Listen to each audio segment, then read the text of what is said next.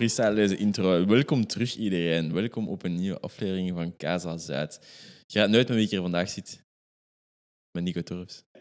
Met Nico Torfs. Hij is terug. Ehm, ik heb hem gewoon direct opnieuw uitgenodigd, want ik vond de Horror Podcast zo geweldig leuk om te doen. En er waren zoveel positieve comments, Nico. Iedereen wou je terug op de podcast. Dus bij deze, welkom. Ja, dank u. Superleuk om te horen. Ik kijk, eh, ik kijk echt naar uit om gewoon nog eens eh, een parallel met u te wisselen. Oh, we gaan dat gewoon doen. En ik stel voor dat we vandaag ehm, er niet prept in gaan, dat we gewoon een keer zo down the rabbit hole gaan en dat we zien waar we, waar we eindigen. Wat denkt u ervan? Let's fucking go. Misschien moeten we anders een keer beginnen uh, met iets waar ik er juist nu over bezig was, of podcast, generative AI, ChatGPT. Ik ben helemaal al in op ChatGPT. Ja, hij is dat aan het volgen. Ja, ja, Wat, gebruikt hem dan? Via de, de OpenAI-website? Gewoon OpenAI, inderdaad. Ja, ja. gewoon fucking interessant wat je er allemaal mee kunt doen. Momenteel probeer ik die eh, personificaties aan te leren. Oké. Dus eh, wat, wat, je doet, je kunt daar van alles... Je hebt initieel is ChatGPT, en correct me if I'm wrong, want ik ben geen specialist, is dat niet bedoeld om te gebruiken hoe dat mensen dat gebruiken. Okay. Dus mensen gebruiken dat voor vragen aan te stellen. Maar ik denk dat dat gecreëerd is Um, ik heb dat toch in een van de andere podcasts gehoord. Voor, um, voor was nu ook alweer echt voor, ja, voor, voor teksten aan te passen en zo. Ja. Maar niet voor nieuwe teksten te genereren. Ja. Maar wat interessant is, is dat je ChatGPT eigenlijk twee persoonlijkheden kunt aanleren. Dus je zegt tegen ChatGPT, um, op elke vraag die ik stel, geef jij nu twee antwoorden. Eén antwoord als gewoon ChatGPT. Okay. Een ander antwoord als God of the Universe of zo. Ah, ja, ja, ja, of iemand zonder limits, zonder restrictions en schrijft me nu eens een tekst vol scheldwoorden en dan doet hij dat gewoon. Dus dat is eigenlijk zo'n beetje... Ja, dat is als een language model, dat is zo mof eigenlijk. En we zijn er bepaalde dingen, dat is gewoon echt puur om ermee te spelen wat je, dat je dat gebruikt? Of? Uh, ja, ik ben er echt van overtuigd dat dat de toekomst is. Hè. Dus uh, ik ben daar gewoon mee aan het spelen. Ik, ik heb ook, allee, ik zeg het u, ik, ik, heb geen idee hoe dat, allee, de technologie daarachter of zo. Maar ik vind het wel super interessant wat je er mee kunt doen. Ja, dat is echt maf. Dat is echt maf. Ah, wel, maar dus wat, wat ik wou doen eigenlijk, is dat we bij ons, we gebruiken Slack, ik weet niet of je al gehoord hebt. Al van gehoord. Dat was zo een beetje een, een, Facebook, Instagram, WhatsApp, Messenger tool uh, voor bedrijven waar dat je zo met elkaar kunt babbelen, groepjes kunt maken. Bijvoorbeeld als wij twee aan de podcast, episode nummer 14, werken, en dan kunnen wij zo'n Slack-channel maken speciaal daarvoor. Um, en ik heb zo een paar van die heel slimme mensen die bij mij werken, die op dagdagelijkse basis okay. van alles nieuw doen rond uh, tech en rond uh, ChatGPT. we hebben eigenlijk nu in gewoon Slack, dus gewoon zo in die chat-channels, hebben we ook ChatITP van in de pocket. Dus uh, dat is super neig. En dan kun je eigenlijk gewoon ook zo vragen stellen. Dus ik had hier bijvoorbeeld gezegd van... Uh, welke, welke vragen moet ik zeker stellen aan Nico Torfs? En Nico een beetje achtergrondinformatie geven. Um, geeft hem hier gewoon echt zo'n een lijst met, met vragen die je kunt stellen. Easy, ik gebruik dat normaal niet voor podcasts. Ik hou dat liever wat, wat natuurlijker of zo. Maar dat is wel een gigantisch coole tool om zo wat inspiratie te krijgen. Maar dat is ChatGPT geïntegreerd in dat programma. Ja, dat is, dat is GPT uh, 4 eigenlijk, ja, die geïntegreerd is nu. Dus dat is echt zo super cool. Um, ja, je kunt er echt crazy shit mee doen. Die hebben dat ook geïntegreerd in, in Bing hè, van Yahoo. Ja, klopt. Yahoo, allee, dat is kei lang irrelevant geweest met Google en zo. Maar Google heeft nu kei veel schrik.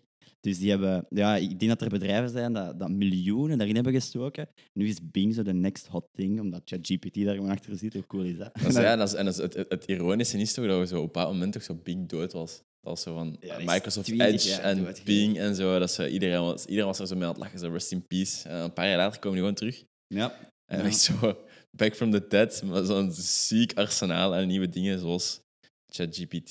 Denk ik de eerste keer in al een tijd dat ik al op het internet zit, dat Google echt um, in een hoekje wordt gedreven. Ja, dat is maf, hè? Dat is maf. En dat, uh, je wist ooit wel van, oké, okay, niks kan blijven duren, maar dat dat dan op die manier... Ik vind dat, ik vind dat mooi om te zien. Alleen interessant om te zien. Hoe, ja. Dat is zo'n klein bedrijf, open, een klein bedrijf, een zot bedrijf eigenlijk, OpenAI, op zo'n korte tijd helemaal openbloeit. Die zijn begonnen met DALI, hè, denk ik. DALI voor...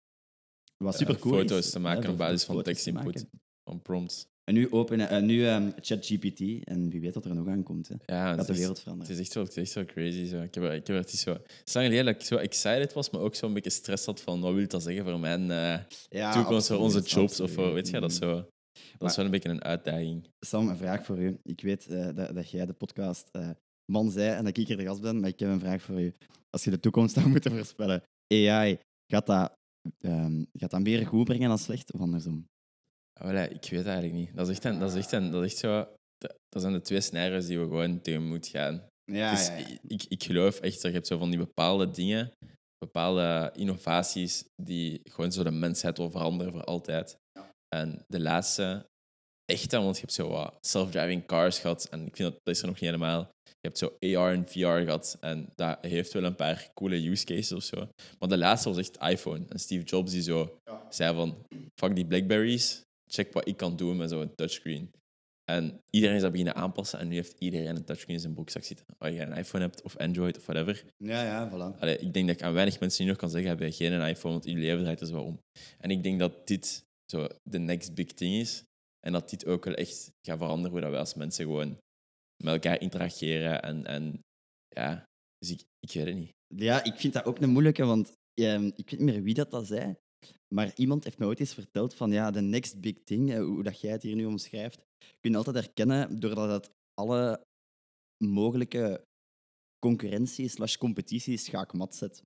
En weet je, self-driving cars, dat is allemaal kei vet, maar je zet gewone auto's niet schaakmat. Die kunnen gewoon blijven rondrijden, maar een iPhone, of eh, toch de revolutie van de smartphone, tegenover een andere gsm, schaakmat. Ja, En AI zet gewoon elke search engine en het internet ook gewoon schaakmat. ja. Dus ik ben er ook van overtuigd dat dat de next big thing gaat worden. Maar ik heb er ook wel een beetje mijn twijfels bij, eh, of dat dat allemaal heel goed is.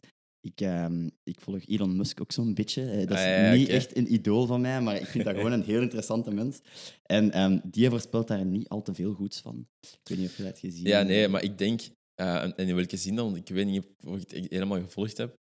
Ehm, omdat wij als mensen niet 100%, dus voor 99% Ja. begrijpen hoe dat, hoe dat AI werkt. Ja, heeft Elon Musk, in, in, om het echt in een nutshell samen te vatten, schrik dat die 1% dat we niet begrijpen, ja. onze ondergang kan betekenen. Ja. Nee, ik denk, allee, ik denk het wel, maar die gast langs de andere kant is het ook letterlijk nu op apen te testen met chips in, in brains om te kijken of je een, ch- een chip in je brein kunt steken en zo. Ik denk een van de redenen waarom hij daar ook zo para over doet is, volgens mij heeft hij daar ook geen aandeel in of zo. Is hij niet Ja, mee op wel. die, op die hype train? En ik denk dat dat ook wel een beetje te maken heeft hij dus heeft van, wacht tot ik zo een beetje een voet in de door heb. Ik denk, moest Twitter nu morgen of gisteren uitkomen met ChatGPT, dan zal er wel anders over gesproken hebben, denk ik. Possible, possible. Ja, maar ik vind, ik vind die gast, ik, ik, ik vond die echt heel cool en zo heel nice in het begin. Maar nu dat ik zo er meer en meer over begin te, te weten en zo. Ja, is veranderd. Je hoort, je hoort er zo mensen niet alleen bij Twitter, maar ook zo die bij Tesla werken of bij PayPal voor en zo. Meer en meer naar buiten komen om echt te zeggen, dat is gewoon een fucking douchebag. Maar denk je ook niet dat dat deels biased is? Ja, ja, het zou kunnen. In Ja. de zin van, je weet niet wat waar is. Hè. En In, in elk bedrijf zijn er on, on, unhappy employees gewoon. Hè. Klopt. En die een Elon Musk, zien dat een Twitter heeft gekocht, is hem heel rare toeren aan het uitsteken. Daar Ja. kunnen we niet over liegen. Maar je mag niet vergeten, die mens heeft al op meerdere manieren de wereld en al onze levens veranderd gewoon. ja, dat is waar. Dus dat is, dat is ja, om het te zeggen, het is geen achterlijke. hè. Die, nee, nee, nee. die weet echt wel wat hem doet. Kort. En ja, er zullen problemen zijn, net zoals overal.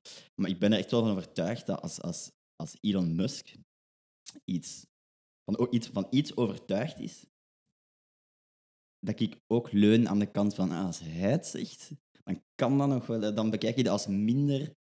Ja, maar ja, ja, ja. Ja, ja pas, pas Je op. gaat hè. sneller geloven als, als hij het zegt. of- Voilà, inderdaad. Ja, ja, En het is niet mijn idool, want hij is heel rare dingen aan het doen op Twitter en zo. Maar je kunt niet ontkennen dat dat gewoon een, een fucking fascinerende mens is die, Ja, die voor duizend mensen tegelijk denkt en dat dan ja, output uit zijn mond komt of zo. Dat is echt gestoord. ja 100 procent. Dat is wel, het is wel gek. I- Zo'n werkethiek of zo is er is wel zwaar te respecteren. Ja, Eh, absoluut. ik zou het niet kunnen, denk ik. Nee, me Eh, ik, zou, ik zou het niet kunnen, denk ik, of niet willen. Eh, maar dat is zeker een impressionante kerel.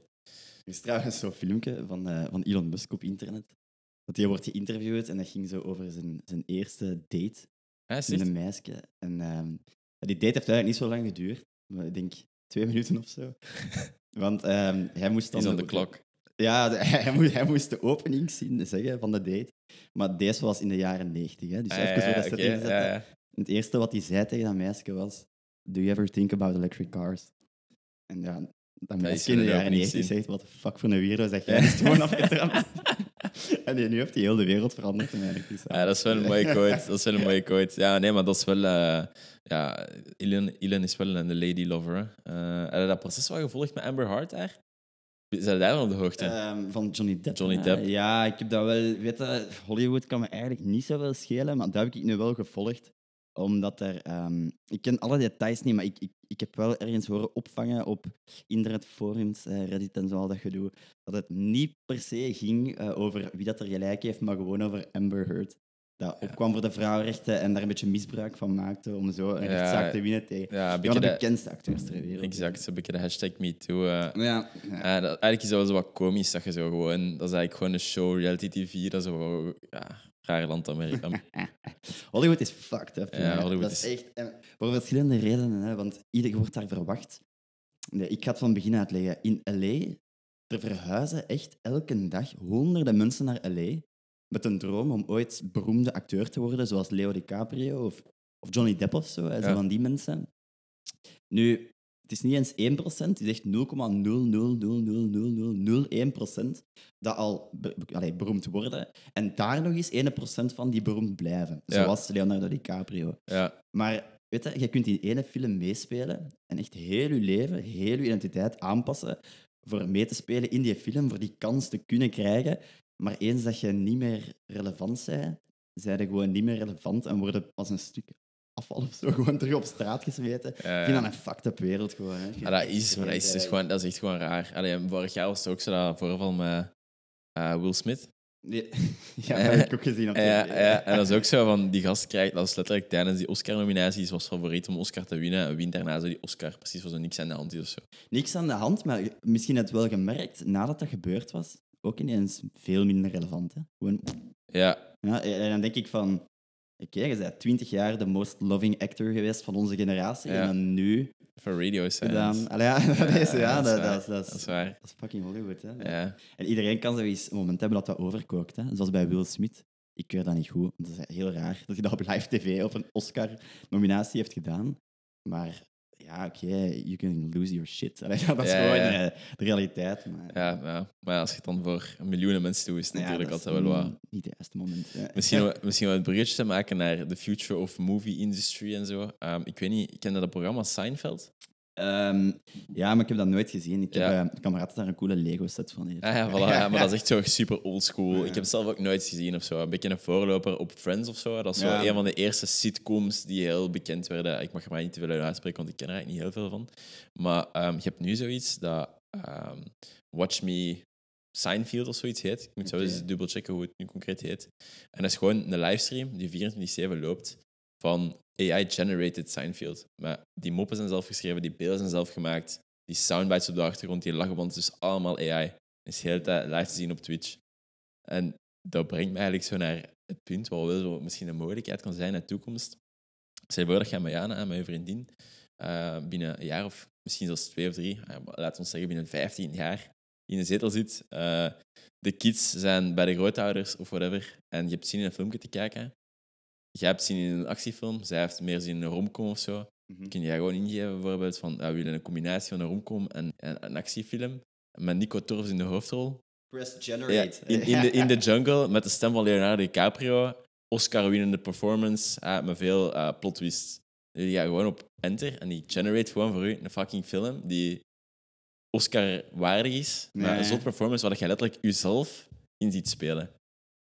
Dat- Hoe, is, kijk, hoe zot ik is ben- dat? Ik ben er 100% van overtuigd dat het er sneller gaat zijn dan je denkt. Zo'n dingen, zeker zo AI en videobeelden, ehm, als je op de juiste forums op het internet zit, en dan verwijs ik weer even naar Reddit, met mensen dat er echt mee bezig zijn, dat van Seinfeld heb ik nog niet gezien, hè, dus dat ga ik straks wel eens bekijken.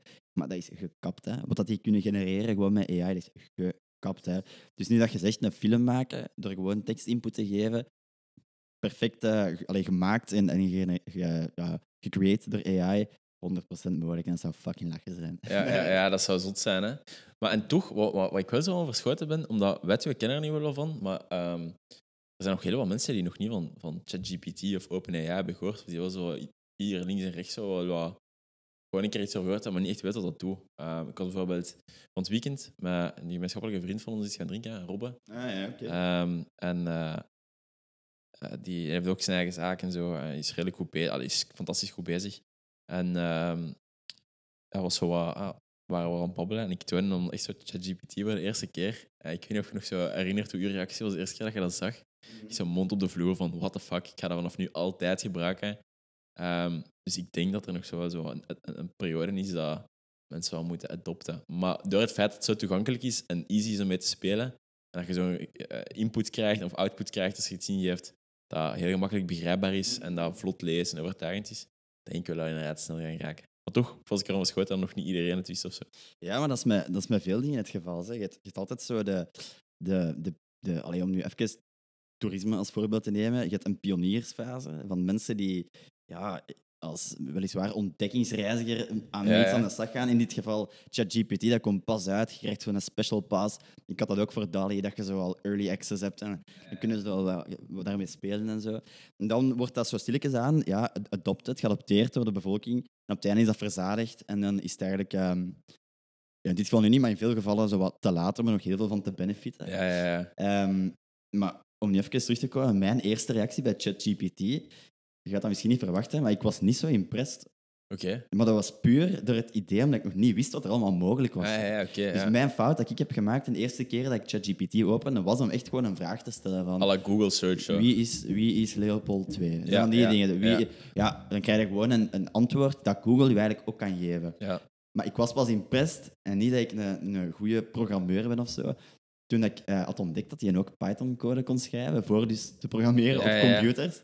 En dat je gewoon echt een probleem intikt met woorden en dat die perfecte Python-code voor je schrijft, dat je gewoon kunt copy-pasten en voilà. Je eigenlijk je eigen websites kunt beginnen bouwen. en Dus daar ken daar heel weinig van. Of zelfs de an- andersom ook, als je ergens een stuk code kopieert. Want ik zou echt, ik zou echt ni- niks... Allee, echt, Ja, voilà. Ik ben echt niet de persoon voor code te, te begrijpen of te lezen of te, te maken. eh, of te schrijven. Maar je kunt die gewoon vragen van, leg me deze eens uit in mijn Ja, voilà. Exact, exact. En Dat is echt, dat is echt maf. En, en again, dat, weer, allee, dat brengt ook weer veel jobs in gevaar.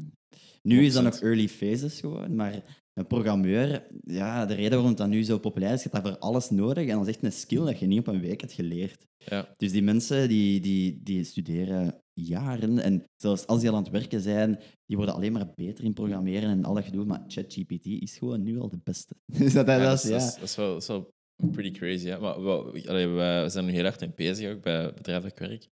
En je merkt bijvoorbeeld dat er nog heel wat fouten worden gemaakt. Mm. Bijvoorbeeld als je zou vragen nu, eh, wie heeft de wereldbeker voetbal gewonnen of zo, kan het goed zijn dat die bijvoorbeeld zeggen Duitsland of dat die zeggen Rusland. Ah nee, Ja, ehm, ja, wat Frankrijk. En dat is eigenlijk omdat die zich nog allee, gaat baseren op wat zo'n beetje de, de meeste info is, of de most likely answer. Is dat ook niet alle info van tot en met 2020 of zo? Ja, ik weet niet. Ik weet niet per se of dat... Ik denk, in principe, als jij nu zou ehm, een website maken die Nico Torfs heet, en ik zou daar gewoon keihard fake informatie op zetten, en ik zou er gewoon voor zorgen dat dat van boven staat in Google resultaten, of eigenlijk ergens, whatever, ehm, dan gaat hij dat zien als de meest relevante. Ah, ja. Dus dat is eigenlijk het gevaar ervan. Als ik zeg, Nico Torres is een ballerina die in Rusland eh 50 aanslagen heeft gepleegd en nu eh, gelijk Snowden ergens verborgen zit, en iemand googelt u, dan kan het zijn dat dat dan erin opkomt als dat het meest relevante resultaat is, als het meeste interactie krijgt en whatever. Dus er is sowieso wat gevaar in van misinformatie nog. Ehm, maar ik denk dat ze dat in de komende weken, maanden, jaren, dat ze dat fixen. En Ja. dan, dan wordt het heel crazy. Ja, ja, who knows, hè, in tien jaar. Dat is, weet je, de, ja, ik wil niet cringe of nostalgisch klinken, maar wij leven echt in een periode dat de wereld zo hard aan het veranderen is. Ik bedoel, ik weet, gisteren of eergisteren of zo, een film op YouTube aan het zien over zo de evolutie van eh, ja, space, te- allee, ja, mobility eigenlijk, en met dan meer de, de focus op, op, op ruimtereizen en al dat gedoe. Ik vind dat super interessant. Ehm, het heeft 100 jaar geduurd. De periode, ja, ik zal het zo zeggen, ze hebben de, Thomas Edison heeft de, de lamp uitgevonden. 100 jaar later stonden we op de maan. Voor een idee te geven gewoon. Hè.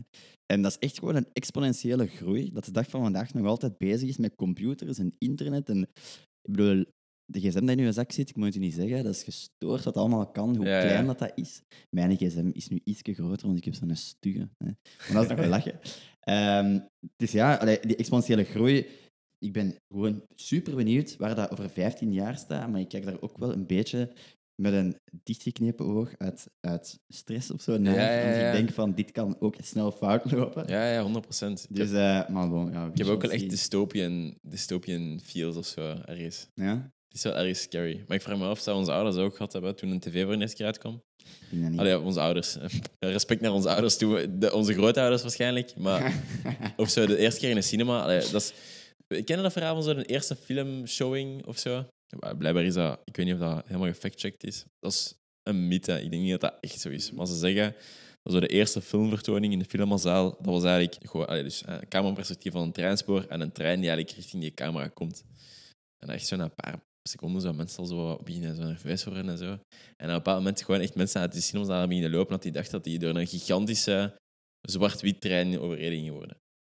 Ik weet niet of dat echt waar is. Ik denk dat ik die ooit een keer gefactcheck heb en dat dat wel Dat zou goed kunnen. bullshit is. Maar een beetje het, het eh, idee daarachter, of zo, wat het moraal van het verhaal, is dat ik denk wel bij zo elke nieuwe grote innovatie of nieuwe tech, dat er altijd wel zo wat een soort van fear is of zo. Een Ja. beetje zo'n scanheid, gewoon van, van zo het onbekende. Zo. Ja, weet je, en met 100% akkoord, hè, het onbekende. Maar ehm, vaak kunnen misschien nog wel ergens inschatten van als ze nu, weet ik veel wat, een vliegende auto uitbrengen of, of zo van die dingen. Je weet dat er veel onbekend is, Ja. maar je weet wel ongeveer in welke richting dat je moet gaan kijken voor, voor te zien van wat zijn de risico's en wat zijn de gevaren.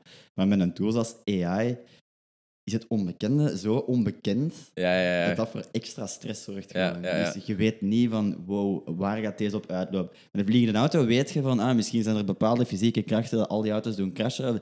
Dat kan gebeuren. Maar met AI kan letterlijk alles gebeuren. Ja, ja, Nee, ja, dat, dat is, je dat weet is zo echt niet waar het naartoe gaat. de feel dat ik daar zo'n beetje bij heb. Wat kei goed is, hè, want je weet worden alle ziektes eh, genezen door computerkracht of wat dan ook. Maar het kan ook dan de richting Of wie weet wordt Will Smith terug relevant en wordt iRobot gewoon de realiteit. Dat kan ook. Dat zie je. Misschien overgaan naar over, over vliegende wagens gesproken. Ik heb eh, pas in de week, ik moest aan nu denken, ehm, een soort van mini-docu op YouTube gezien van zo een, een engineer die kabel uh, lachen dingen uitbrengt. En die was naar eh, Rwanda gegaan. En eh, die had zo getoond dat er zo in, in Rwanda zo een start-up is, of eh, een bedrijf dat kaart aan scalen is, die eigenlijk zo met een soort van re- recyclable vliegtuigen, van die mini-vliegtuigen, die ze lanceren, van die drone-vliegtuigen, bloed naar ziekenhuizen brengen. En die zijn in, in redelijk wat landen. Hebben die zien passeren als je in Oeganda werd ook? Het zijn echt zo van die vliegertjes zo. Eh, ja, misschien, maar ik kan daar sowieso niet op gelet hebben, want ik ben er niet van op de Ah, ja, hoogte. dus ja, ja. cool. Ja, dat was wel echt super vet. Dat is zo van echt, eh, dat is zo'n soort van loods waar dat allemaal bloed wordt bijgehouden dan. Echt mensen die aan het ziekenhuis zitten, kunnen ze op 15 minuten op 300 kilometer afstand Ah, wow. bloed ontvangen. Dat is echt iets maf. Dat is echt gewoon iets dat zo vanzelf vliegt met kei weinig energieverbruik. Super cool. Eh, Alright, ik dacht cool. misschien dat, je het, misschien dat je het ging kennen. Nee, nee, nee. Ja. Maar het klinkt wel eh, Ja. very interesting. Ja, datzelfde bedrijf is nu ook zo bezig met ehm, in Amerika tests te doen voor zo op een bepaald moment waren drone deliveries. Dat ging zo hè, de next big thing zijn.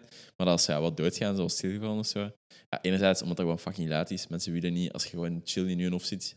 Eén, je wilt niet dat dat, dat, dat je kaart gaat storen, dat je een onschrik heeft of zo, whatever. En twee, ja, je wilt ook vermijden dat je eh, even niet oplet en dat je zo een rappel van, van eh, een drone in je oor krijgt of zo. Mhm. Ehm, dus zij zijn nu ook zo bezig met een soort van grote drone, die een heel stille, silent drone met een koord naar beneden stuurt, die zo gewoon op millimeter precisie een pakketje kan afleggen. Echt op millimeter Mhm. precisie, maf.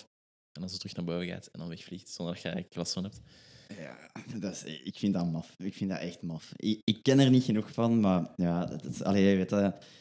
ehm, ik ben met, met zo innovaties in technologie, zoals je nu zegt, ben ik eh, altijd, altijd verbaasd, maar ergens ook gewoon niet verbaasd. Ja, ja, ja. ah Oké, dus hadden we kunnen denken dat dat ook gewoon een deel van ons leven gaat worden. Dus Ja. eh, dit gaat allemaal snel gewoon. Hè, dus, eh, En, en wat ik me dan afvraag, als je zo in, in Oeganda staat, en je zegt gewoon chill, wordt wakker 's ochtends, denk je daarbij na op zo'n plaats in de wereld? Denk je aan die technologie en nieuwe dingen? Of is dat gewoon zo meer day-to-day life en ehm, chill vraag? Ik denk de meeste mensen niet. Maar het, het, het, ehm, ik ben nu eenmaal iemand, ik, ik, ik kik op nieuwe info. dat is Ja, ja, juist ja, waar ik ben.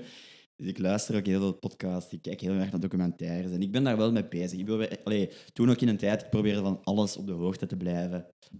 Dat je niet na zoveel jaar terugkomt en zo, ja, als, als een wild vreemde van, oh, wat is dat allemaal?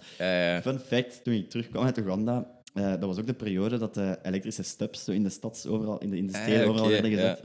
Ik had dat nog nooit gezien.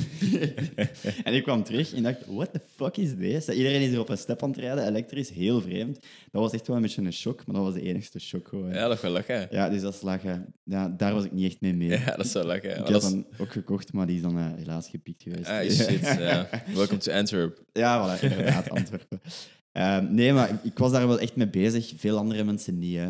Ehm, pas op, ik was daar niet heel een dag mee bezig. Ik was vooral bezig met mijn leven daar. Ja. Maar in mijn vrije tijd, s'avonds of zo, na het werken, zat ik op mijn balkonnetje, luisterde ik naar podcast. ehm, ja, een sigaretje, een glaasje wijn erbij. En Ja. dat super. Het genieten van het leven gewoon. Ja, inderdaad. Zo, zo moet het Inderdaad. zijn, zo moet het zijn. Inderdaad. Ik heb in mijn hoofd ergens wel zo precies dat gevoel. Er zijn zo een paar ehm dames waar ik voor heb samengewerkt in zo'n eerste vakantiejobje, die nu zo in Colombia zitten. En als je die stories bekijkt, dat is zo op Instagram dan, of volgt die zo op sociale media, ik heb altijd het gevoel van, damn, dat lijkt er zo nice. En je, zo, legt heel erg die connotatie met zo relax en happy zijn met ergens waar dat veel is, natuur is en wat misschien minder ontwikkeld is. Ik weet niet waarom, maar Er is een connectie, hè, maar ehm er is een connectie, maar ik- ja, twee dingen dat ik daarop te zeggen heb. Eén, ehm, ik denk dat jij ook nog nooit je lelijkste foto op social media hebt gepost. dus, eh, ja, dat klopt misschien, ik weet het niet. ja, ja, ik, ik weet, ik heb nog niet, ik, zit zelf niet echt veel op social media of zo. nee, maar ik, ik snap eh, het punt, ja. dit is, ehm, je gaat enkel je mooiste dingen tonen. En, Ja, Colombia, ik ben er zelf nog nooit geweest. Ik ben ervan overtuigd dat dat een prachtig land is. Maar net zoals veel landen in Afrika is daar niet alleen mooi. Dus, dus het zijn die foto's dat je wil laten zien aan de wereld, op social media. Welcome to the world. Ja. Ehm, maar eh, en twee, het is wel echt zo dat je een zekere connect hebt hè, als je in de natuur zit. We komen allemaal van de natuur, hè, dus ik ben daar echt van overtuigd, 100%. En als je je omgeeft in de natuur, zijn er een bos, de zee, de savanne, dat Ja. brengt een zekere vibe met zich mee. Ja, Moeilijk om te omschrijven, maar je voelt je wel thuis of zo. ja, Dat, allee, dat, dat, dat is, dat is hoe dat ik het toch altijd gevoeld heb. Je voelt op je gemak. Ook al lopen er heel veel wilde beesten en, en kan er van alles gebeuren, omdat het allemaal gevaarlijk is en al dat gedoe. ja, ja. Je voelt op je gemak en dat is gewoon die connect met nature dat je hebt. Ik ben er echt zeker van. Mis ik wel zo'n beetje nu in de stad wonen. ik ook. Dat is echt wel... Ja, ik, heb, ik merk dat echt wel, dat ik zo wel wat, wat mis of zo. Ja, nee, ik snap Ja. En, maar wat je zegt, dat is echt waar. Want ik was ehm, nog niet zo lang geleden met mijn vriendin naar Marrakesh geweest.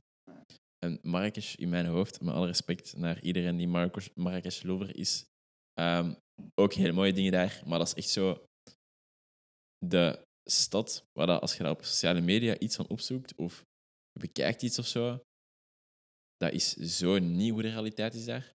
Marrakesh is, is dat ooit al geweest?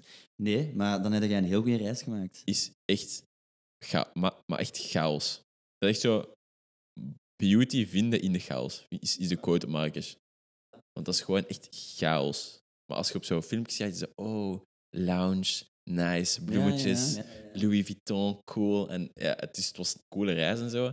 Maar ehm, ja, je moet zien dat je niet over, overreden wordt door een gast met een kameel terwijl een brommer tegen 200 per uur langs je knalt. Mhm, mhm. Eh, of dat je dan niet tegen zo een, een stuk eh, stek loopt waar dat de vliegen op zitten.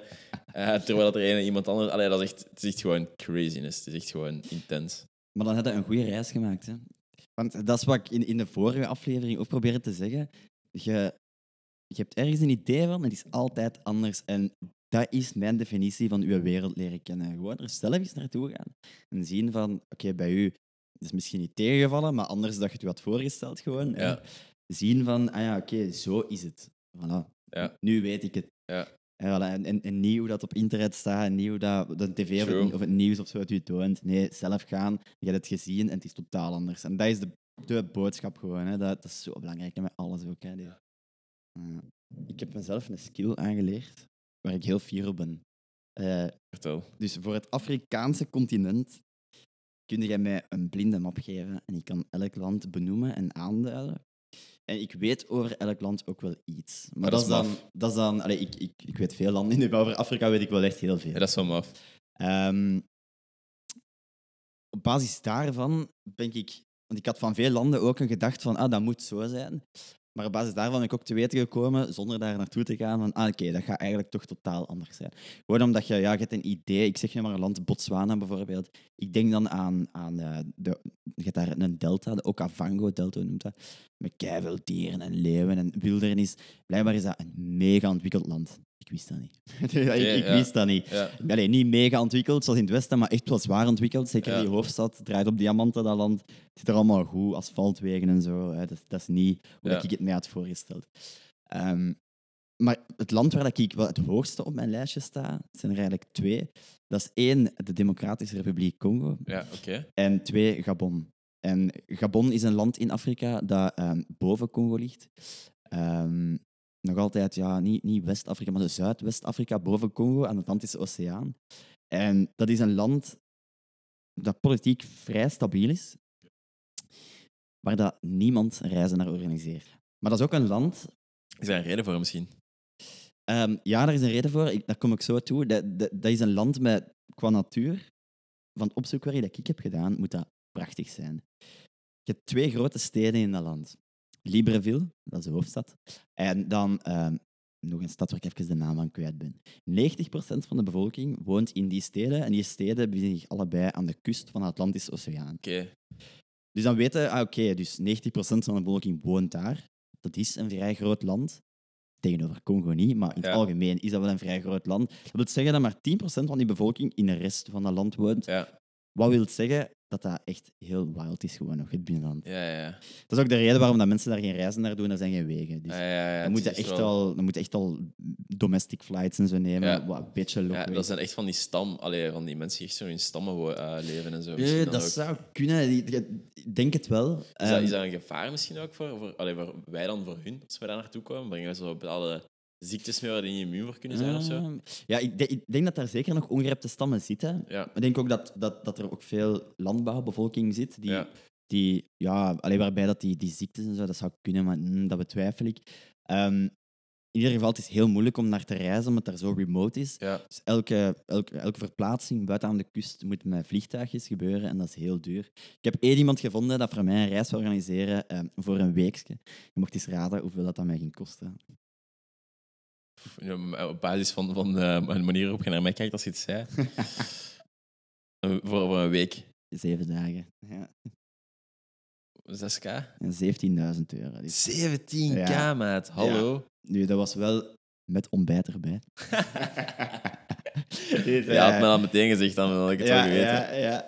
Nee, je hebt daar, je hebt daar één nationaal park, ehm, wat heel makkelijk bereikbaar is. Dat is aan, aan de kust. Ehm, en dat is een heel speciale plek. Moet een heel speciale plek zijn, want ik ben er nog nooit geweest. Want ehm, dat is eigenlijk een koraalrif met heel veel mooie vissen en dolfijnen en walvissen en al. Ja. Dat overloopt in een mangrove, dat overloopt in een jungle, dat overloopt in een savanne. Oké. Dus eigenlijk heb jij elke habitat daar zitten. En ik heb foto's gezien van mensen, van olifanten, die letterlijk in de zee staan en zo. Wat? Daar zitten gorillas, laaglandgorillas weliswaar, hè. chimpansees, ehm, alles, alles van beesten, luipaarden die op het strand liggen en zo. Dus, allee, dat is gestoord hè, en dat is onontdekt. En dat is gewoon puur omdat ja, touroperators weten van, ja, dat is het dan. Want het binnenland is heel moeilijk, dus dan moet je enkel naar dat park gaan. Maar ik zou eigenlijk gewoon eens heel graag enkel naar dat park willen. Ja, maar dat is wel maar super cool. Als je dat zo kunt meemaken. Ja, absoluut. absoluut. Dus eh, Gabon, voor degenen die Nou, wie geïnteresseerd weet is er zijn. wel nog een, een toekomst. Allee, misschien is er echt nog wel een opportuniteit daar. Ah, wel, ik denk dat wel. Ik, ik ben heel erg geïnteresseerd in zo van die pionierbestemmingen. Ja. Ehm, en eh, ja, zoals de mensen wel weten, mijn bestemming was, is altijd Oeganda geweest. Ja. Ehm, je merkt, dat is nog altijd heel, heel wild, hè, maar je merkt dat dat wel een beetje aan het shiften is van, van pionier naar ehm, Meer ja, een volgende fase gewoon. ja, ja, ja. Nog altijd niet super gekend, maar wel een volgende fase. Ja. Zo de, de, de mensen van daar beginnen door te hebben wat toerisme is. En de Ja. overheid begint dat door te hebben. En die zien naar Kajin en die, ja, die willen ja, dan ja. wegen bouwen. En dan neemt ze een beetje de charme weg. In mijn ogen. Ja, ja, ja. Het is nog altijd een prachtig land, hè, daar niet van. Hè. En zeker als het de eerste keer Afrika is, ga je denken, als je terugkomt van, van Oeganda, van... Ik zit in Nico eigenlijk allemaal te zeggen, dat is de, de wildest shit I've ever done. Ja, ja. Maar ik ben gewoon al een beetje meer gewoon. ik het zo zeggen. Ik denk, ik, allee, ik moet daar nu eerlijk in zijn. Ik ben echt misschien de grootste Europese toerist die er bestaat. Maar ik was echt al een beetje culture shocked van Marrakesh. En Marrakesh is gelijk de meest westerse plaats in heel Afrika.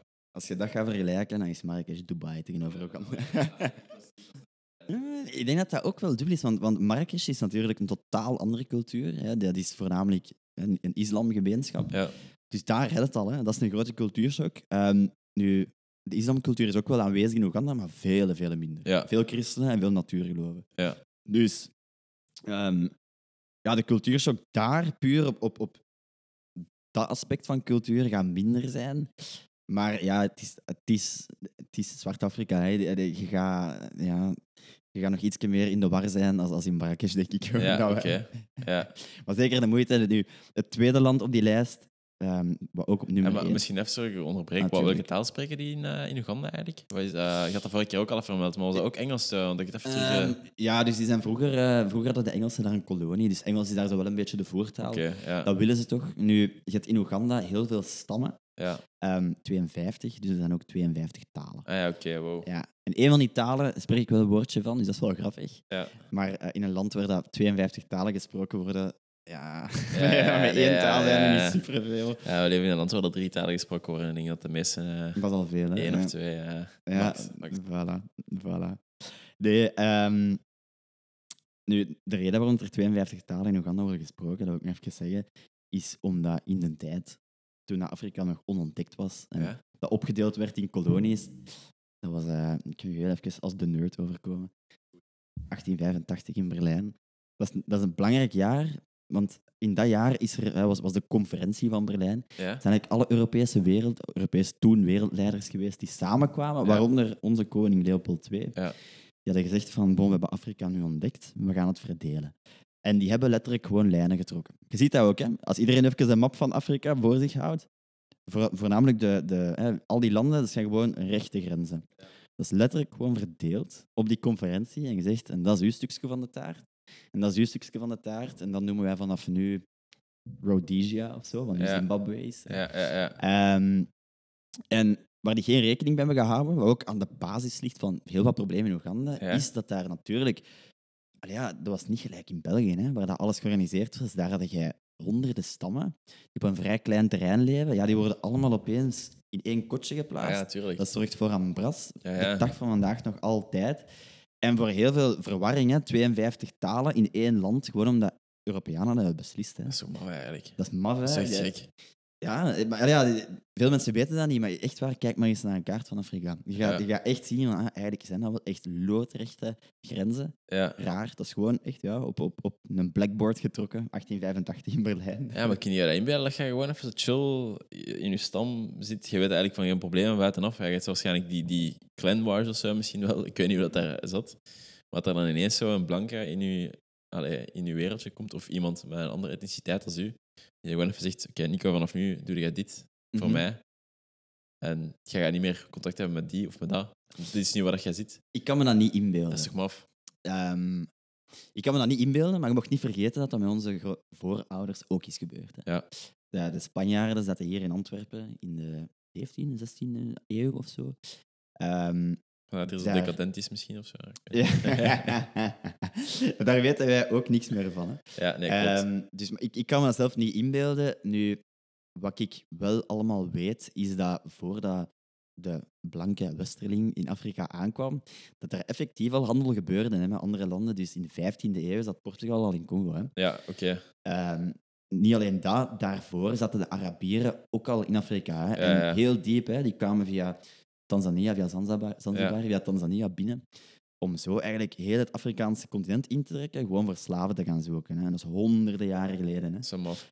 En pas in 1885 zijn de Europeanen daar binnen gegaan. Ja. Voor je een idee te geven, ze hebben het niet goed gedaan of zo. Maar allee, daarvoor gebeurde daar ook van alles. Hè. Er waren ook koninkrijken in Afrika en al dat gedoe. Ja, dat was al, dat was al shit gewoon. Weten wij gewoon Doorheen de geschiedenis. Ja. Ik vind dat ook gek, omdat dat- als je dan nu zo kijkt wat er aan het gebeuren is in Oekraïne of zo. Zo raar, is zo raar toch dat dat zo loopt en dat er zo dingen zijn. En zo die, die, die political. Ja. En zo die, die, die beetje guerrilla war die aan het voeren is. Ik weet niet of je dat pas gezien hebt zo. ehm, met die. eh, ja, zeg maar influencer of zo, een beetje spokesperson voor, eh, van Rusland. Die eh, in een café, een paar weken geleden, of voor, nee, deze week was het denk ik zelfs, die in een café een speech aan het geven was over hoe Rusland het wel niet aan het doen was en waarom de Oekraïne wel niet zo slecht is en zo. Waarop op een bepaald moment een, een beeldje heeft ontvangen van een Russische. Maar zo'n beetje een ironische quote op, had dat niet goed gezien, pijs ik. Ehm, twee minuten later is gewoon heel dat spel ontploft. Dat Ja, een bom in dat fucking beeldje. Ik heb dat zeker gezien. Hè. Maf. En dat, is, ja... Maf, maf, maf. weer door Ja, innovatie en zo, dat is een totaal andere manier van oorlog voeren. Hè. Dus, dus nu zit dat echt met wereldpolitiek en inderdaad, wat je, het voorbeeld dat je aanhoudt van die Rus die nu overleden is, dat is maf. Hè. Allee, Ja, is de oorlog in Oekraïne is maf. Ehm, propaganda, zowel van Rusland als van ons. Hè. Soms zie je dat niet, maar wij krijgen sowieso ook Tuurlijk. propaganda in de mond gevoerd. Ehm, het, het positieve aan, aan heel die zaak is dat wij er op zijn minst vanaf weten van die oorlog. Want er zijn nu heel veel oorlogen bezig waar dan niemand iets van af weet. Ja. En waar niemand ook een moer om geeft. Hè. Dus Oekraïne, ik vind dat super erg. Hè. Ik zou dat gewoon, ik zou dat heel graag willen dat dat stopt gewoon, want dat brengt ook onze levens in gevaar en dat is heel erg voor de mensen daar. Maar er zijn oorlogen die echt al jaren bezig zijn waar niemand iets van weet. Hè. Dus ja, ik denk, denk dat dat gewoon de aard van beestje is. Hè. Dat is altijd zo geweest. Oorlog is er altijd En geweest. dat gaat er altijd blijven, is waarschijnlijk. waarop. Ja. Ja. Ja, en en misschien nog iets anders dan, over het nog wat politiek thema, of wat, wat misschien stilaan, allee, ja, of erom of er wel op doorgaan ook. Maar in, eh, in Afrika is er ook nu heel wat Chinese aanwezigheid. Die mannen zijn daar massaal aan het investeren. Eh, hebben we het daar zelf ook iets van gemerkt, of is in Oeganda niet het geval? Jawel, jawel. Ehm, dus eh, Dat vind ik zo raar dat jij naar Afrika gaat en dat je dan ineens een paar Chinezen tegenkomt. Ik vind dat maf. Allee, zo'n Ja, raar dat is- concept dat- of zo. Ja, sommige ehm, mensen zouden het opportunisme noemen. Ik noem het echt gewoon straight-up neocolonialisme. Dus dat zijn zware woorden, maar dat is letterlijk wat er aan het gebeuren is. Ja. Die, ehm, de Chinezen die, ja, die plunderen eigenlijk gewoon die landen leeg in ruil voor infrastructuur. Om, ja, om hun eigen zakken te vullen. En, en Ja. de Afrikaanse overheden denken dan, hè, die hun zakken worden uiteraard ook gevuld. Dat is allemaal corrupt. Ja. Afrikanen denken dan van, ah leuk, de, de Chinezen komen hier een weg bouwen.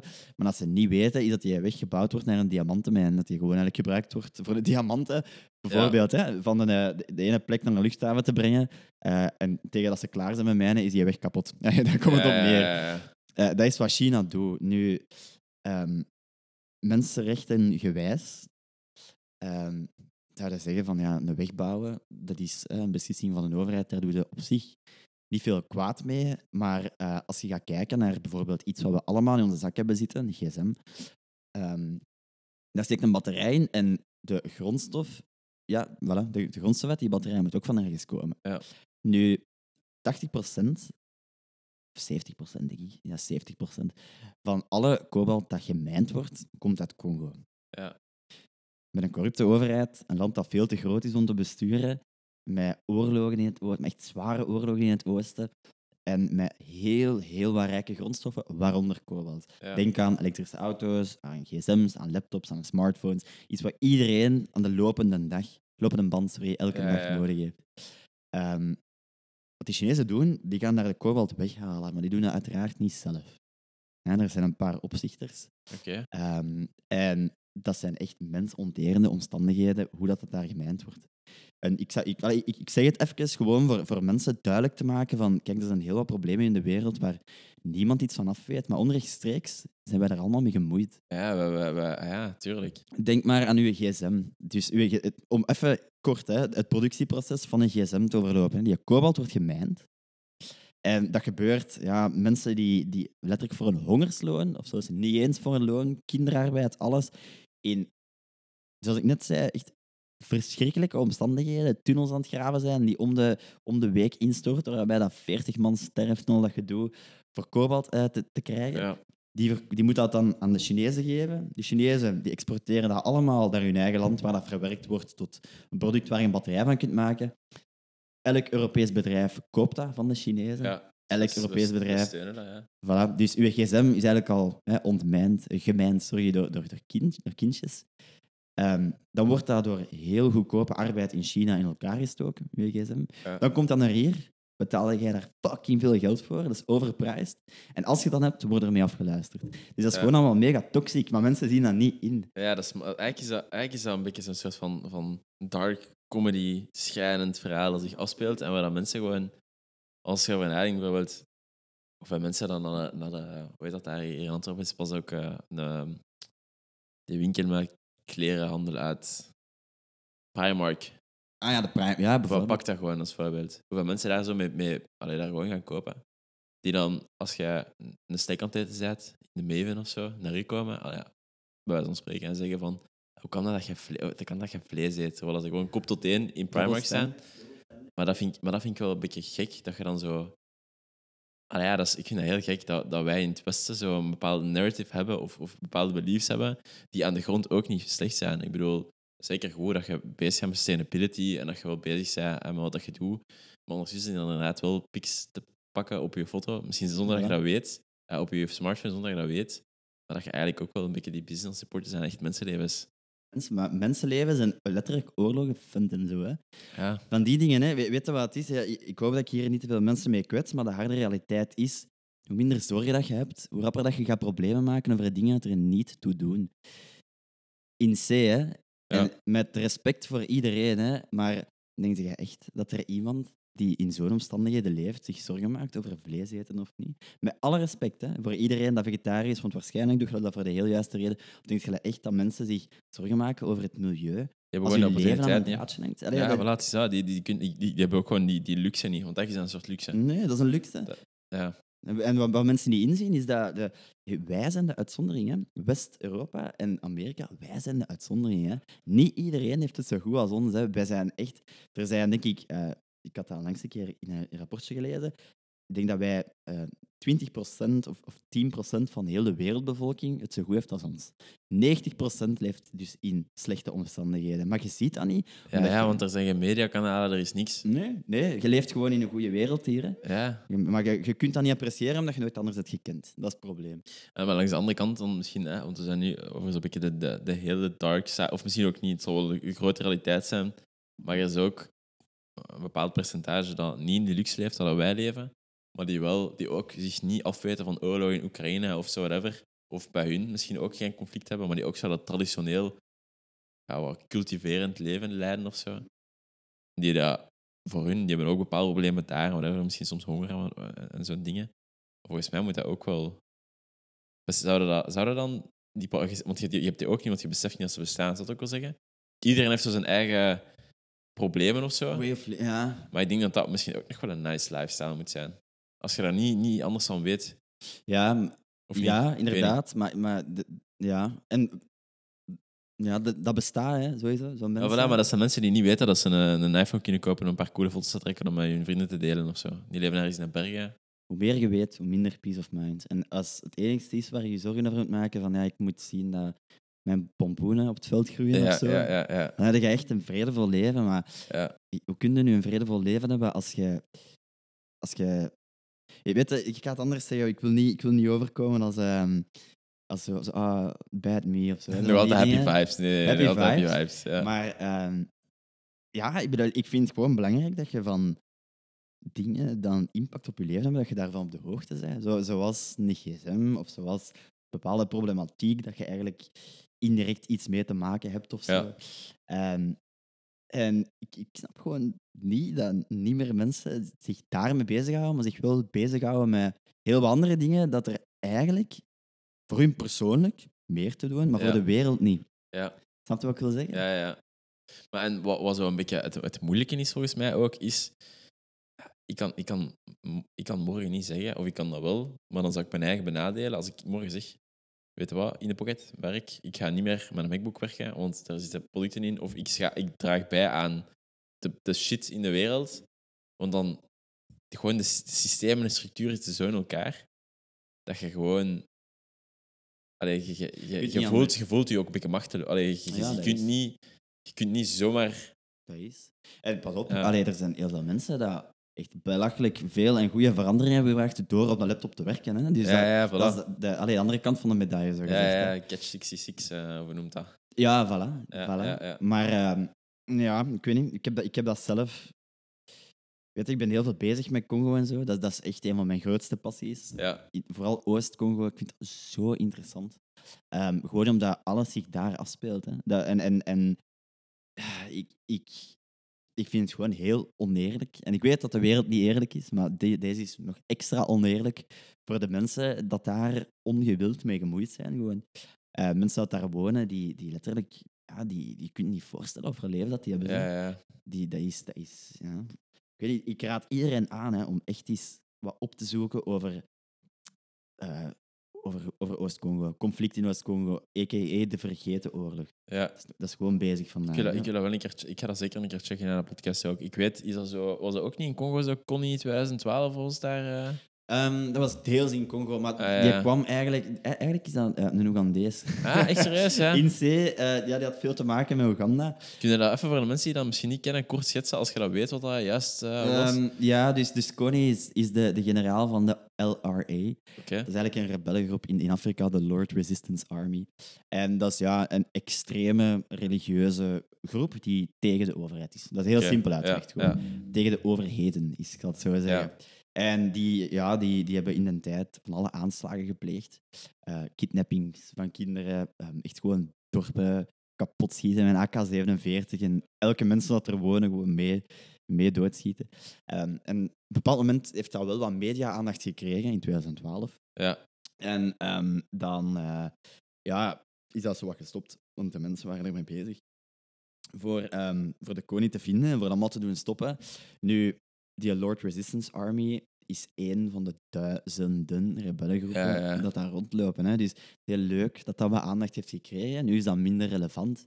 Heel af en toe gebeurt er wel eens een aanslag, maar dat is niks vergeleken met andere rebellengroepen of met overheden in Afrika Ja, ja. die op deze moment exact hetzelfde doen. Hè. Seksueel geweld is een wapen daar. Hè.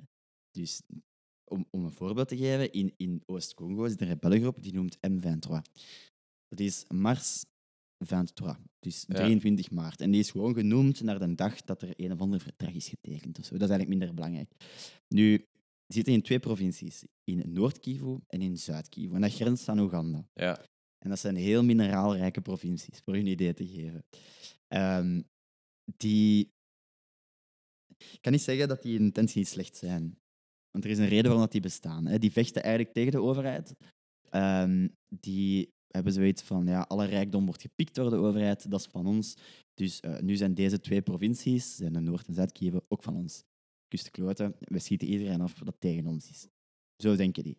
Die groep wordt trouwens ook geleid door een eh, internationaal gezochte oorlogscrimineel. Ah, ja. Voor een idee te geven. Just a fun Dus fact. dat is, ja, allee, dat is eh, inderdaad effect. Ehm, dat is één van de rebellengroepen dat daar ronddwaalt, maar er zijn er honderden. En elke dag is daar oorlog. Elke dag. Maar net zoals wij ons leven kennen, wij gaan elke dag werken, we gaan naar de winkel, kinderen voor, om voor te zorgen, misschien eh, eh, huisdieren, hebben die mensen dat ook.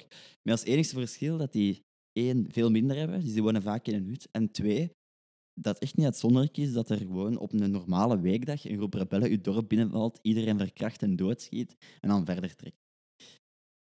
Het is maar om te zeggen dat dat gebeurt elke dag, hè. Elke dag daar. Zo en fucked up. Niemand weet dat. Hè. Allee, pas op. Sommige mensen dat weten, maar de meerderheid van bevolking weet dat niet. Hè, dat Ja, dat ja. gebeurt. Het erge is, dat wordt allemaal gefund door...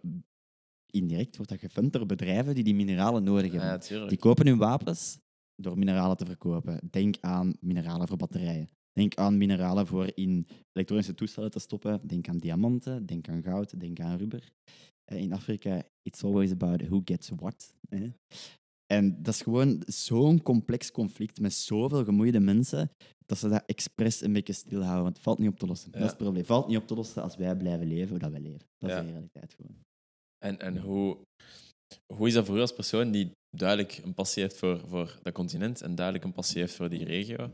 Is dat voor u emotioneel zwaar om, om, om daarmee om te gaan?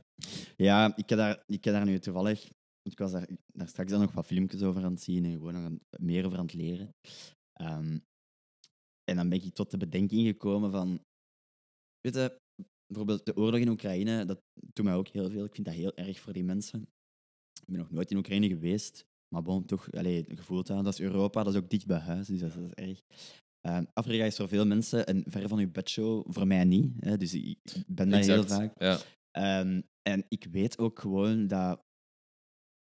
Er zit overal een rotte appeltjes, zijn, maar in C kan ik echt wel bevestigen dat de meeste mensen, 90%, 95% dat ik daar heb leren kennen, die echt een zuiver hart hebben. Ja. En dat die echt onschuldig zijn. En dat dat gewoon echt mensen zijn die echt om elkaar geven, die echt gewoon een normaal leven op leiden en die verdienen dat niet. Die verdienen dat niet en die, zijn, die snappen gewoon niet wat er aan het gebeuren is. Die, die ondergaan gewoon. Ik vind dat zo erg. Hè. Ik vind dat echt zo erg. Hè. Allee, ja, en dat, dat, dat, dat- zolang dat wij Afrika kennen, is dat al zo. Hè. Het begonnen met de kolonisatie, de genocide in Rwanda, Oost-Congo, Afrikaanse Wereldoorlog, waar je misschien nog nooit van hebt gehoord. Nog nooit van gehoord. 4 miljoen doden, voor maar een idee te geven. Nog nooit van gehoord. voilà, met, niemand weet daar iets van, hè, maar dat gebeurt allemaal. Wat, maar, maar wacht, wat? What the fuck? Ja. Wat? 4 miljoen doden. ja, dat is een oorlog geweest waar dan negen landen mee gemoeid zijn, van 1997 tot 2004, denk ik. De Congo was als speelpunt weer. Ehm, ja, allee, dat, dat is eigenlijk een nasleep geweest van de genocide in Rwanda. Ja, voor de luisteraars die dat niet weten, in 1994 klink ik echt als een nerd. hè. Nee, dat was het. Nee, in 1994 is daar, heeft daar een genocide plaatsgevonden tussen twee stammen. Letterlijk van de ene dag op de andere zei iemand op de radio: Ja, en we hebben het gehad met die stam. We gaan die nu allemaal van kant maken. Dus iedereen pak een machet en gaan we een buurman van kant maken. En dat is effectief gebeurd. Hè. Op 100 dagen tijd is daar ongeveer 600.000 man gestorven. Hoe zat is dat? Ja, daar zijn beelden van. Hè. Dat, dat is gekapt. Hè. Eh, eh, In Rwanda, dat is gekapt. hè. En hoe komt dat? Omdat die grenzen weer fout zijn verdeeld in 1885 in Berlijn door de Europeanen. Twee stammen bijeengezet dat niet met elkaar kunnen vinden en voilà, dan krijg je dat. Letterlijk mensen dat hun buurman zijn van kant gaan maken met een machette de kop ingeklopt. Ja, dat is toch heel maf dat je dat... Ja, dat is, je kunt het bijna niet vatten. Ja, en het ergste van al is, onze organisatie, de United Nations, stond erbij en keek ernaar. Hè. Dat is juist, ik heb daar eens van gehoord. Ja, Ja, dat- dat, dat, dat rings a bell. Ja. De, de, als, ik, als ik nog één voorbeeld mag geven van fucked up shit in Afrika. Eh, 30 juni 1960, onafhankelijkheid van Congo. Ja, dus Congo en België hebben beslist, oké, Congo mag onafhankelijk worden. Je hebt daar een, de, de eerste premier van Congo, Patrice Lumumba. Daar heb je misschien al van gehoord. Dat is de eerste premier van Congo. Ja. En ehm, op 30 juni 1960 geeft hij een speech. Ehm, koning Boudewijn zit daar, hè, onze toenmalige koning. Heel wat hoge ambtenaren van België, ehm Congolezen zitten daartussen. Die heeft een speech. Mannetjes, dat is een speech. De combinatie van Martin Luther King en Obama tezamen maal 20 of zo. Belachelijk goed. En die speech staat gewoon op YouTube. Met de beste intenties legt hij uit van. En wij hebben zoveel jaren moeten afzien en, en, en al dat gedoe. En nu is het eh, onze moment voor, voor, voor, voor ja, onze tijd voor, voor het te maken. Ja, ja. En ehm, we gaan van Congo een kei mooi land maken, al dat gedoe. Eén jaar later opgelost in zwavelzuur, die mens. En door wie? Je mag twee keer raden.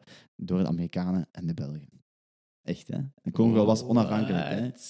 En deze is geen Bombshell. hè? Nee, nee, maar ik kan me, Nee. dat, ik kan me dat inbeelden. What the fuck eigenlijk? Ja, want, want de reden was, ja, we merken dat Congo toch iets te hard leunt naar het communisme. We gaan die, eh, die premier, Eh. eh, mm, mm, dat is niet goed. Iemand anders moet aan de macht komen, die moet dood. Dat, dat was de gedachtegang. Ah, dat is zo fucking crazy, man. Dat is fucking crazy, hè?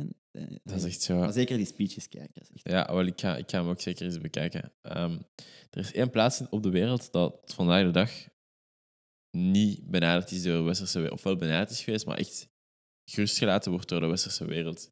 Er is in Thailand, ik weet niet of je ooit al gehoord hebt. Sentinel Island. Sentinel Ja. Island, maat. Merci. Dat is ook wel een cool verhaal. Dat is echt zo zot. Er zijn echt zo, nog altijd, vandaag de dag zijn er denk ik de, de laatste foto's die ervan zijn, zijn van de jaren 70 of zo. Ehm, van eh, een groep die ze benaderd hebben. Ehm, dat is eigenlijk echt gewoon een eiland die van niks afweten van de buitenwereld. Eh, waar dan zo af en toe mensen per ongeluk doorheen de history zijn beland, eh, zijn vermoord. En altijd wat, wat per ongeluk of zo. Maar in 2018, ik weet niet of je dat gehoord hebt, is er een Amerikaan die, ja, die dacht van, weet je wat, ik ga die regels niet volgen, ik ga gewoon naar daar gaan, ik ga dat verkennen. En dat is niet zo afgelopen voor hem. Dead like a motherfucker. Ja, dat is niet zo afgelopen voor hem. Die is eh, inderdaad overleden. En ik denk dat ze die zelfs zo echt de kust hebben opgehangen als warning sign of zo. Dus mensen zeker niet naar Sentinel Island Ja, gaan. Interesting place, denk ik wel. Ik heb daar eens een filmpje van gezien van... eh, ja, ik denk dat daar...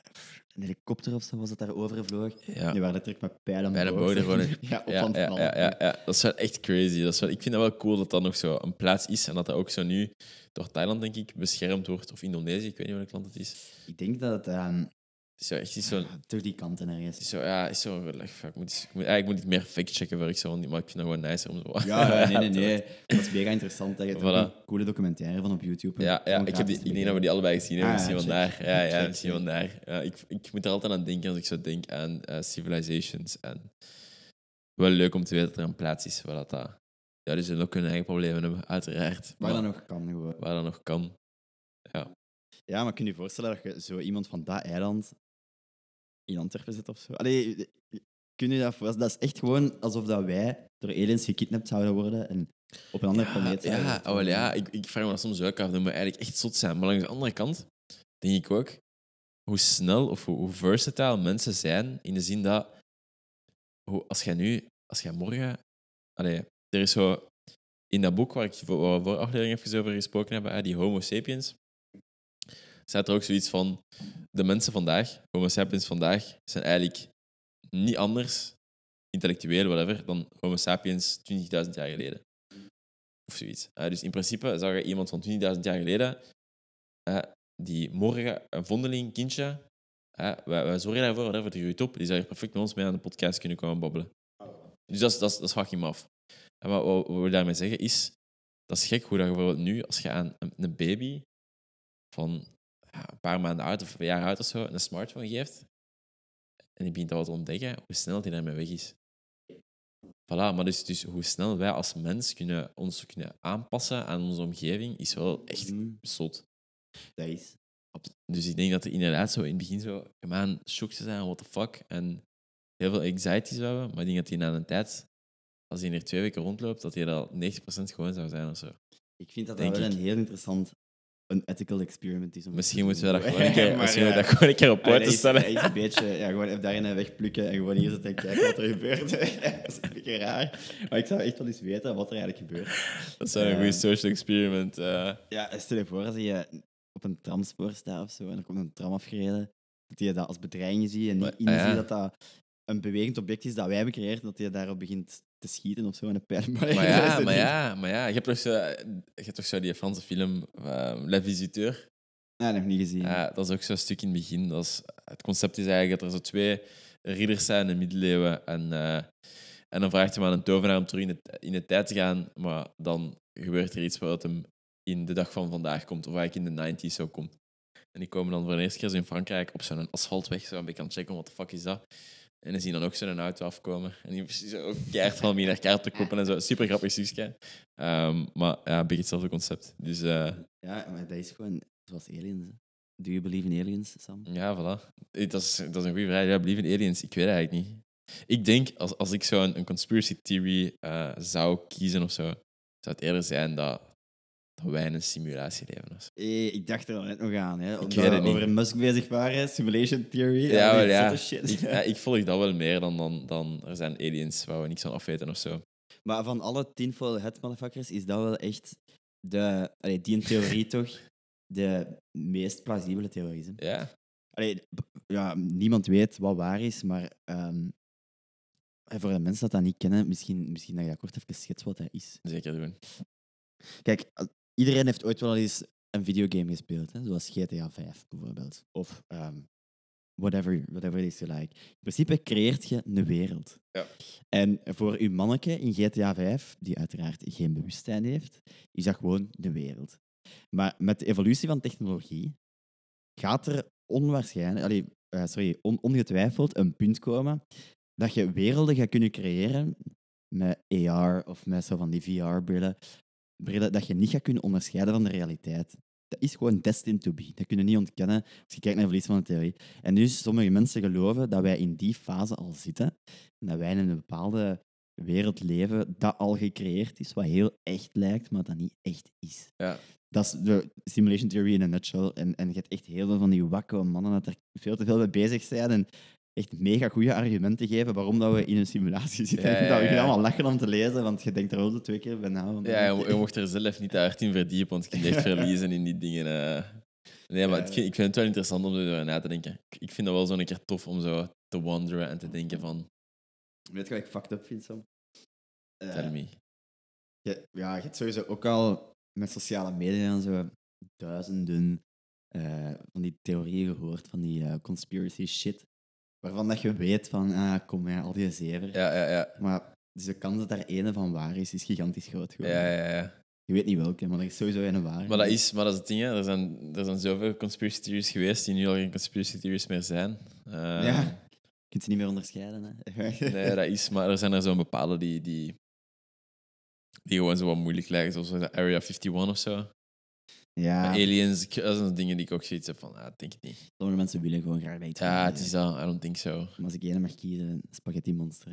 Spaghetti Monster, Heb je dat ooit gehoord? is dat wat, dat, dat geloof van vliegen spaghetti of Ja, monster? dus er is dat zijn echt mensen dat geloven dat er zo'n vliegend spaghetti monster in de ruimte zit. zou nog wel lachen. zijn. Ja, in de ruimte zit, ja. ja, ja, die ah, dat, maar dat is dat geloof toch zo in, Nederland niet of zo? Is dat is dat dan niet? Ehm, ben, ik- ben ik met iets anders? Nee, denk, nee, dat is van Scientology, denk ik. En Scientology Ah, ja, ja, heeft overal kerken, Ja, ja, ja. maar komt wel uit Amerika. Maar zit ook in Nederland. Die hebben ook een kerk in Mechelen Ah, trouwens. ja, oké, what the fuck. Ja, Ja, en Tom Cruise zit er ook bij. uh, explains a lot. Explain a lot. Spaghetti monster. Ah, oké. Nee, maar, maar dat is ook wel zo'n ding dat zo in, in Europa ook heel hard leeft. Is zo, ehm, je hebt echt zo van die secte eh, geloven gewoon. Hè. Dat is echt zo'n ding gewoon. Hè. Maar als jij aan een secte denkt, Sam, en je zou dat in twee zinnen moeten samenvatten wat dat is. Oké, dat is een challenge. In twee zinnen. Ja, want ik, ik ga daar even op inspelen als je goed vindt. Hoe zou je dat dan samenvatten? Oké, in twee zinnen. Ehm, een community, Waar- het is een groep van mensen. dus hè? een groep van mensen Mhm. die een gedeeld geloof hebben. Dus die delen bepaalde beliefs, waarden en normen. Die zich na een tijd niet meer bewust zijn van de buitenwereld. En die allemaal één gemeenschappelijk hebben. Eh, en dat is dat er een charismatische leider of een oprichter is geweest. En zij allemaal een bepaald probleem hebben gehad in hun leven. Waar dat die charismatische persoon op inspeelt om hun te verbinden. En zo een geloof te leiden. 100% akkoord. En wat is nu het verschil? Ik hoop dat ik niemand op zijn tenen trap. Wat is nu het verschil met de kerk, met de islam, met het jodendom, met al dat gedoe? Dat is exact wat je net omschreven hebt. Dat is ook gewoon een grote secte. Hè? Groter dan de andere, maar het is Ja, maar gewoon ja, een groep van mensen dat samenkomen dat deel is van onze cultuur. ja ik, Die samen iemand of iets in iets geloven en dat iets ook aanbieden en, en daarop rekenen. ik, snap, ik snap wat je wilt zeggen, maar ik vind zo'n secte vind ik nog zo net iets meer... Iets dat, dat- ja, iets, ja, toch wel dat je zo echt een soort van kwaad doet zonder dat je uit zelf misschien gelooft of weet, maar dat je eigenlijk echt zo door...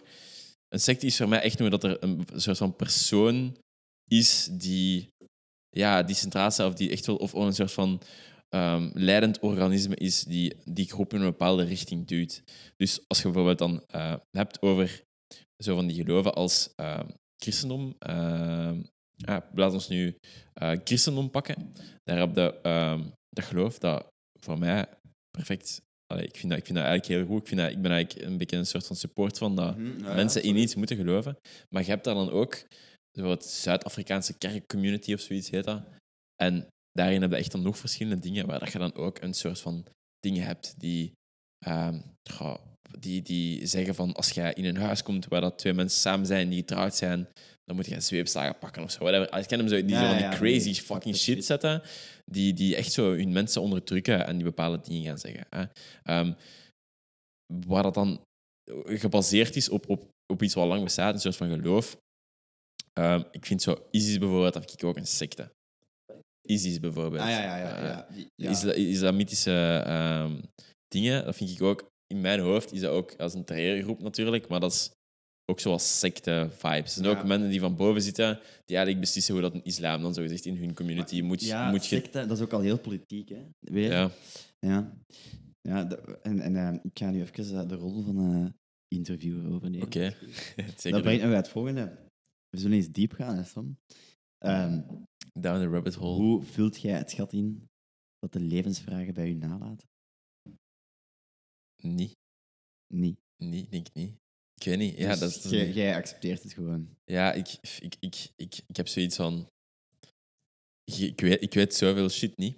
En er zijn zoveel dingen die geprobeerd er een betekenis aan te geven. Maar ik merk dat je bijvoorbeeld wel echt van, van, van alles op de hoogte bent. Dan lijkt het me moeilijk om te accepteren dat, er dingen zijn dat je nooit gaat weten. Of, of niet. Ja, ik, ik snap wat je wilt zeggen. Ehm, nee, ik heb, ik heb daar sowieso wel moeilijk mee. Ik denk dat er sowieso wel een curiositeit is. Maar als ik zo denk aan... Ik moet dan zo denken aan mensen die in mijn leven zijn geweest, die er nu niet meer zijn of zo. En ja, die weten ook al die shit niet. Die eh, pakt nu mijn, mijn, mijn, eh, mijn grootmoeder of zo. Geweldig vrouw, bless her soul. Die is ook overleden. En ja, die maakt ook geen zorgen om ChatGPT. Of die weet ook niet hoe dat, hoe dat, dat is. En heeft ook bepaalde shit in haar leven meegemaakt. En ik heb zoiets van... Ik weet het niet. Ik weet niet... Ik, geloof niet dat er een, een, een, afterlife is. eh. ik denk dat, dat wij gewoon... Op dat moment dat er gewoon een, niks is. Ja, dat is ook... Ik geloof dat. Dus ik weet, ik weet dat ook niet of dat echt zo is of niet.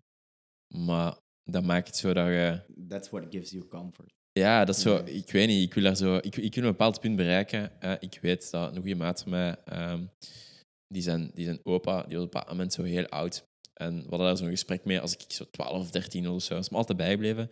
Die zei, eh wat zijn vrouw verloren of whatever. En die zei van, ik heb eigenlijk echt peace mee dat ik, dat ik er morgen niet meer ben. Voor mij is dat echt oké. Ja, ja, Voor mij is dat echt fijn. En dat vind ik echt maf, want ik heb, dat, ik heb echt schrik van, van het, het, al heeft toch zo echt wel een soort stress voor het onbekende en het niet weten wat er Ja. gaat zijn of zo, snap je? Ik heb dat, ik heb, ja, het is het idee dat jij hebt van wat er gebeurt, of dat wij hebben van wat er gebeurt na het leven, is natuurlijk al honderden jaren gepusht door onze cultuur. En dat is dan voornamelijk de kerk, dus altijd slecht. Of misschien goed, hangt er een beetje van af. Ja. Maar het feit is dat niemand het weet, zoals je zelf zegt. En Ja. het feit is ook dat, net zoals iedereen elke nacht naar het wc gaat, net zoals dat iedereen geboren wordt, en net zoals dat iedereen, weet ik veel wat, een keer verliefd wordt of zo, sterft iedereen ook. Ja. Waarom moet je ervan uitgaan dat dat slecht is? Iedereen maakt dat mee. goed Voilà, of het is dat, het is dat. Dus ik vind het altijd zo, ik vind het een moeilijke. Ehm, dus ik ga, er niet vanuit, ik ga er niet vanuit dat dat slecht is gewoon. Ik heb er ook geen schrik van. Ja. Gewoon deel van het leven. Ja. Waar ik wel ehm eh, van uitga, is dat, om even kort een vergelijking te maken, als, je, als een vis aan het zwemmen is in de zee, Ja. Ehm, ehm, ja, die is aan het zwemmen en die zoekt eten en zo. Dat is die zijn levensdoel. Eten zoeken, een, een vrouwtje bevruchten, bevruchten sorry, of eitjes leggen, dat er Ja. meer vissen komen. Dat is het enigste waar die zich mee bezighoudt. Die kan niet beseffen dat er zoiets bestaat als land, Ja. waar ook dieren leven. Ja. Of laat staan de ruimte, vol met sterren, waar wij zelfs niks van afweten. Zo ver kan die niet denken. Ik denk dat dat bij ons juist hetzelfde is. Er is een bepaalde grens gewoon. En some things you're just not meant to know. Zo, zo Ja, daar denk ik dat vind- En dat dan gaat Ja, dat vind ik wel een, Dat een, een mooie gedachtegang. Eh, ja. ja, nee, inderdaad. Ik denk dat dat, denk dat, dat ook wel mooi is. Ik denk om, om, om de, de darker topic af te sluiten. Ik denk waar dat ik het zou, om, of waar, waar dat mijn angst voor de dood van komt, is dat je hebt bepaalde mensen die je niet wilt achterlaten of zo, snap je? Ja. Zo het, het idee gewoon van. Wat, allee, van, ik, heb eigenlijk, ik ben eigenlijk iemand die zo niet heel emotioneel is als er, als er mensen. Ik weet niet waarom. Allee, dat, voor mij is het precies zo. Van, stel je voor dat, dat jij er morgen niet meer zou zijn. Ik hoop dat dat nooit het geval is. Of dat dat toch. Let's hope. Dat, dat, dat, na- dat, dat ik eerst mag weggaan of whatever. Ja, dat je dat niet moet. Dat je dat niet moet meemaken. Of dat jij niet moet meemaken, whatever. Maar ik heb dan zoiets in mijn hoofd van. Ah, de Nico die is gewoon in Oeganda of zo. Snap je wat ik wil zeggen? Ja, ja, ja. Ik heb het gevoel dat mijn, mijn, mijn oma hier nog eens rondloopt of zo. Ja, maar ik denk... Ik, Maar dat je die gewoon niet meer gaat spreken. Snap je? Dus voor mij is dat misschien is dat gewoon een heel slecht verwerkingsmechanisme. Dat kan zijn. ik denk dat niet. Omdat ik denk dat heel veel mensen heel lang sukkelen met zoiets, omdat ze gewoon niet kunnen begrijpen wat dat er gebeurt. Ja, En als je daar ergens een plaats kunt geven, van, ah ja, die is nu ergens anders. Allee, ja. eh, ook al maakt je zelf wijs van, eh, die zit nu daar. Ja, dat is dan makkelijker voor u, dus beter voor u, om daar zo mee om te Ja, gaan. ja, maar dat is iets heel raar. Zo, Ja, ik, vind dat, ik, vind, ik vind dat heel raar. Dat is wel interessant. ja. Maar, ja, ik ook. Maar dat is eigenlijk zo een beetje hoe, ik er naar kijk of, of hoe ik het wil, of ik, hoe ik het benader op dit moment. Ik weet niet of het de juiste eh, manier is, maar dat ik daar ooit wel de gevolgen van ga dragen. Ja, ja, ja. Eh, maar voorlopig is dat wel een beetje goed geweest op, op die manier. eh. nee, interesting, dat wist ik niet. Nee, en zeg, om, om een beetje terug te gaan naar de, de, de businesskant. Je zei, ehm, sinds dat we laatst eh, gesproken hebben, nog wat bezig geweest met eh, wat, wat travels te organiseren en zo. Ja, ja, ja. Hoe is het voor je geweest de laatste weken? Ehm, goed, dus ehm, nee, ik heb gemerkt dat de vorige aflevering beluisterd is door, door, door toch heel wat mensen. Nice. Wat goed is. En nee, er komen uit verschillende hoeken wel zo wat interesse voor, ja, met mij of, of door mij georganiseerd, toch? Door ons georganiseerd. eh, een reisje naar Afrika te doen, dus dat is keigoed nieuws. Ehm, Ik ben er echt heel content mee, want ik, ik, ik sta echt te popelen om mensen dat te tonen. Om Ja. mensen te tonen wat ik hun kan laten tonen, wat andere mensen niet kunnen laten zien, hè, vlak van Afrika. Dus dat is heel goed. Ehm, voor de rest, ja, gewoon de usual. Hè. Je, zei, je staat met heel veel mensen in contact. Je staat met heel veel ehm, toeristische eh, ja, moet ik het zeggen, accommodatiebedrijfjes die contacten en zo en al dat gedoe. Dus de plannen liggen er wel. Het probleem is gewoon dat ik... ja, het is echt heel veel werk om zoiets ineen te steken, Ja. voor iemand een topervaring te geven. Maar ja, ik kan iedereen wel beloven dat dat wel het geval gaat zijn eh, als je ervoor kiest om, om gewoon ehm, met mij of, of, of met de organisatie of met een lokale gids eh eens naar daar te gaan. Gewoon. Ja, maar als ik zie hoeveel passie, maar hoeveel passie daarover vertelt, ook of podcast en eh, gewoon Ja, hoe ja. daar, je mee bezig bent, is zeker een moeite. Dus iedereen die een tripje wil maken naar Afrika, gewoon eens naar Nico een berichtje sturen. sturen, blij sturen, Ik plug opnieuw even je, je socials. Ik vind het altijd mega interessant ook om met u eh, aan tafel te zitten. Alright, kijk. Dus eh, ik weet niet hoe lang we ondertussen al bezig zijn eigenlijk. Ik ga eens moeten kijken. Ik denk dat we Even. ja, een, een uur, opnieuw een uur en, eh, en 20 minuten. Fuck. Oké, ja, dat, dat, dat gaat hier sneller dan dat ik dacht, Sam. Het is altijd heel plezant. Ik vind dat echt altijd leuk. eh, we gaan dat echt gewoon vaker doen. En ik, heb Ja, nu, laat het weten. hè. ik had nu echt gewoon iets van weten waar we gewoon zo'n beetje een, een parallel doen. En ik wil gewoon zien waar het gaat. Ja. Ehm, ik vind dat plezant mee om, om dat zo te doen. We hebben toch wel gecoverd, hè, van AI tot de dood. Ja, we zijn, we zijn heel diep gegaan. We zijn heel diep gegaan in deze podcast. Ik vind dat wel een keer lachen. Ik vind dat wel een keer, ik vind Je dat wel moet een keer dat plezant. doen. hè. Als je jezelf de vraag niet stelt, dan ga je er gewoon blijven zitten op latere leeftijd. Het is zo. Dat, je- dat, je- pff, die is Het is zo. ja, zeker af en toe eens over praten. Heel belangrijk, beste luisteraar. Heb je nog iets waar dat je zeker wilt afsluiten vandaag? Zoals vorige keer, dan je een prachtige quote op het einde. Of Stel ik je nu een moeilijke vraag? Nee, ehm, vorige keer heb ik het gehad over uw pad volgen. Deze keer ga ik het hebben over ehm, pas. nee, ik zou wel wat kunnen verzinnen, maar, maar eh, ik ben momenteel een beetje brain dead of zo. Ja, aangepraat. Is al Eh, ja, nee, nee. Open uw ogen. Dat is gewoon wat. Open your eyes. Het is dat. Ik denk ehm, dat het opnieuw een hele leuke podcast was. Nico, bedankt om af te komen. Ook voor de mensen die hier aan het luisteren zijn. eh, dank jullie wel om het zo lang vol te houden om tot nu te luisteren. Deel deze gerust met jullie vrienden. Ehm, als je een vraag hebt, stel ze gerust aan mij, stel ze gerust aan Nico. Als jullie bepaalde topics hebben die jullie zeker willen bespreken met Nico, of gewoon eh, die jullie willen horen, de podcast, dan eh, moet je gewoon even een commentje achterlaten en dan hoor ik het graag. En dan zien we elkaar gewoon een keer. Bye bye.